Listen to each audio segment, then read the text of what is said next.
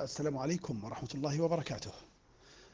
بين أيديكم النموذج الخامس من نماذج قيادة الحياة وهو النموذج المسمى بنموذج القدوات.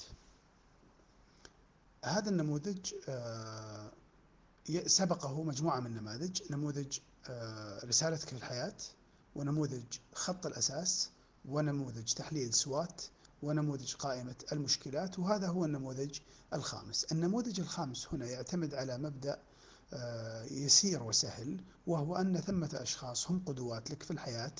أنت ترى أنهم متميزين في عدد من الجوانب. المطلوب منك هنا أن تسجل قائمة بأسماء هؤلاء الذين تراهم مميزين وقدوات ثم تسجل أين جانب القدوة؟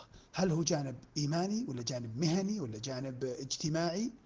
ما الذي يعني لفت انتباهك وحاز على إعجابك واعتبرته محل الاقتداء في هذا الشخص؟ فتضع علامة على المجال. ثم تضع ما هي القيمة التي ترى أنها مهمة.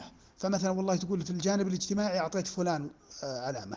ما القيمة اللي عنده في الجانب الاجتماعي؟ تقول مثلا حرصه على صلة الرحم. فهنا طلعت طلعت القيمة.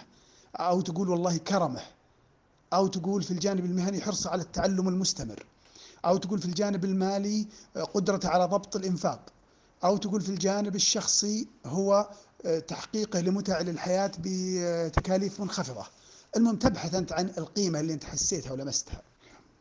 ثم تكتب الإجراء آه، بناء عليه. ما دام هذا معجبك الشخص هذا في الجانب الفلاني في القيمة الفلانية ما الذي يمكنك صنعه لتقتبس منه وتسير على المسار الذي سار عليه؟